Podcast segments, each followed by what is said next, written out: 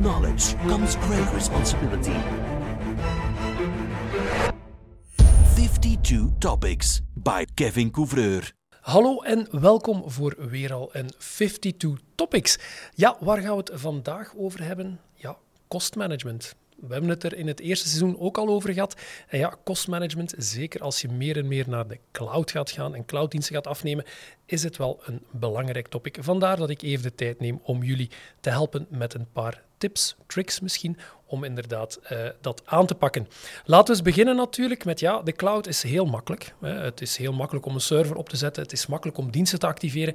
En dat is natuurlijk ook een stukje, ja, laat ons zeggen, het uh, addertje onder het gras natuurlijk. Hè. Het is heel makkelijk. En natuurlijk met makkelijk kan het ook gebeuren dat dingen worden opgezet, dat dingen draaien waar je misschien niet bij stilstaat of niet meer weet dat je die hebt opgezet.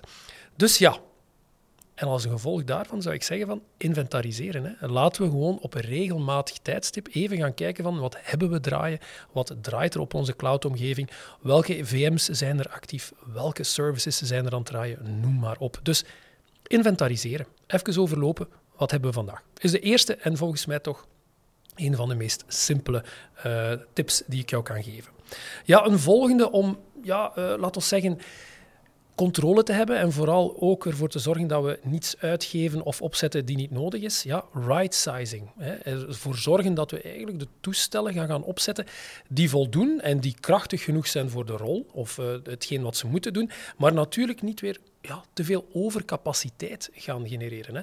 Als we een VM gaan, gaan opzetten, ja, hebben we die acht CPU's nodig? Hebben wij die 68 of 64 of 128 gigabyte RAM nodig.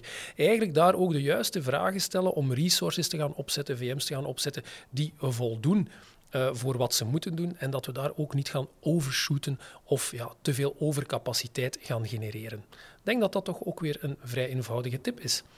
Ja, volgende tip die ik zou kunnen meegeven, zeker ook als we gaan kijken naar Azure-applicaties uh, en dergelijke. Ja, start- en stop diensten. NVM's. Ik weet niet of je het weet, maar je kan eigenlijk heel makkelijk ja, bepaalde VM's of servers die misschien niet kritisch zijn of die niet moeten draaien overdag of gedurende de nacht hè, of binnen een bepaald uh, ja, timeframe, om het zo te zeggen. Ja, je kan die misschien afzetten services uh, stilleggen of misschien zelfs de resources die nodig zijn wat verlagen, noem maar op. Waarbij dat we daar uh, ja, heel dynamisch, heel organisch inderdaad gaan gaan kijken om ja, dingen aan te passen naar de nood van dat moment. Kan ook een hele uh, handige tip zijn. Ziet een beetje zoals de chauffage. Hè. Als we niet thuis zijn, gaan we de chauffage niet aanzetten. Als we wel thuis zijn, gaat die aanschieten. En misschien kunnen we daar ook een stukje in gaan automatiseren, waarbij dat we inderdaad zeggen ja, computer of pc of server of dienst vanaf 11 uur s avonds mag je inderdaad in een soort sleep mode gaan en uh, eventueel om 6 uur s ochtends uh, kan je terug opstarten. Hè. Ook een hele leuke, eenvoudige tip die geautomatiseerd kan worden en heel vlot te doen is, zeker in jouw Azure-omgeving.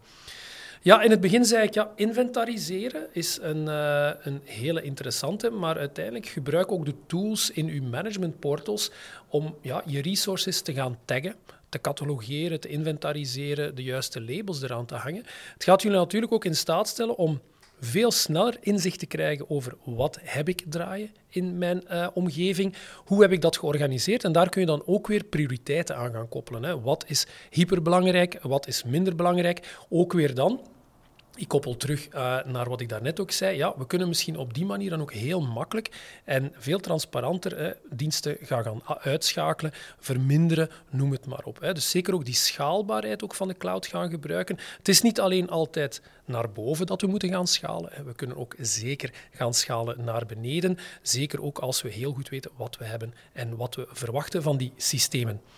Misschien een uh, volgende punt die interessant kan zijn. Ja, we spreken over budgetten, we spreken over kost. We gaan wat meer gaan inventariseren, we gaan wat meer zaken ook uh, in beeld gaan brengen. Hè. Inzichten creëren, weten wat we hebben is altijd interessant.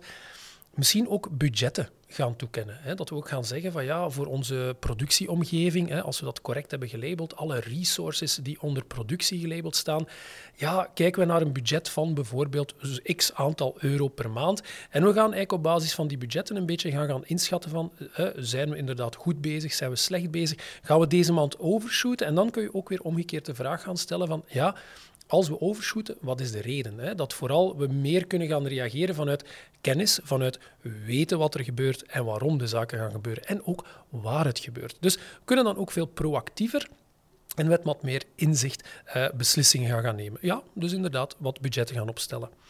Um, een volgende is wel interessant, zeker ook als we naar Azure gaan, gaan kijken. Een van die zaken die soms een beetje onder de radar blijft, is ja, wat doen we inderdaad met um, ja, storage?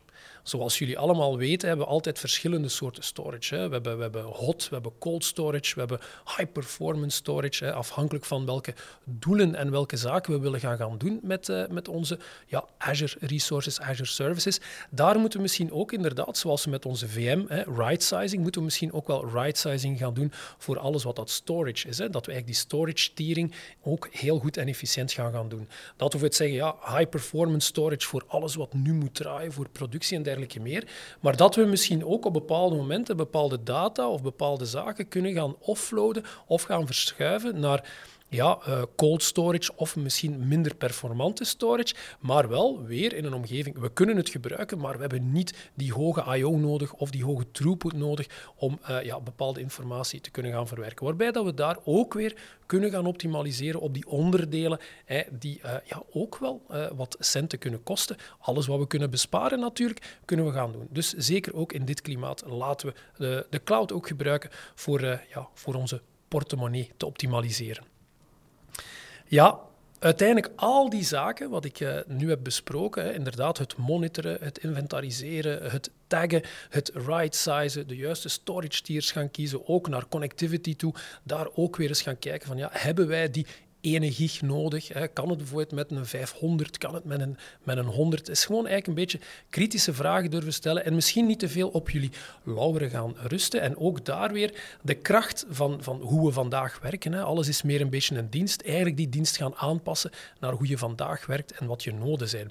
Dat is inderdaad wel de meest efficiënte manier om aan kostmanagement te doen. Eigenlijk niet meer betalen voor hetgeen dat je niet nodig hebt. En dan omgekeerd ook, als je terug nodig hebt, kan je eigenlijk heel makkelijk terug naar boven gaan schalen. Dus inderdaad, gebruik die kracht van die cloud en die SaaS-omgevingen.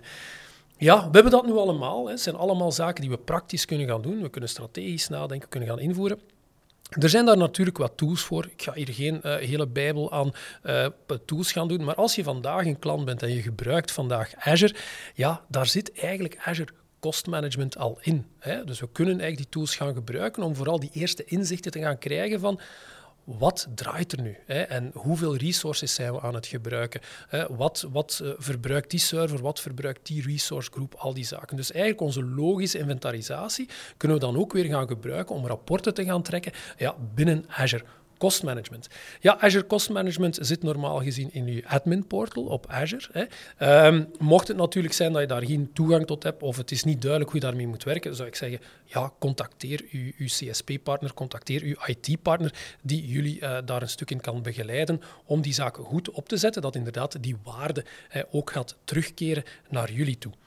Ja, een paar simpele tips en tricks als het gaat over kostmanagement. Niet te moeilijk, geen grote woorden. Ik zou zeggen, ja, pak die tips vast. Uh, bekijk vandaag even wat je doet. Ja, heb je ook vandaag een on-prem of laten we zeggen infrastructuur uh, bij jullie uh, in het bedrijf, mag je dezelfde redenering gaan volgen. En is misschien ook vanuit dat perspectief, zeker als je naar nieuwe investeringen gaat gaan kijken, ja, misschien moet je toch eens wat oog hebben voor die cloud. Het biedt je natuurlijk heel veel mogelijkheden om je efficiëntiewinst en vooral ook kostmanagement te kunnen gaan doen.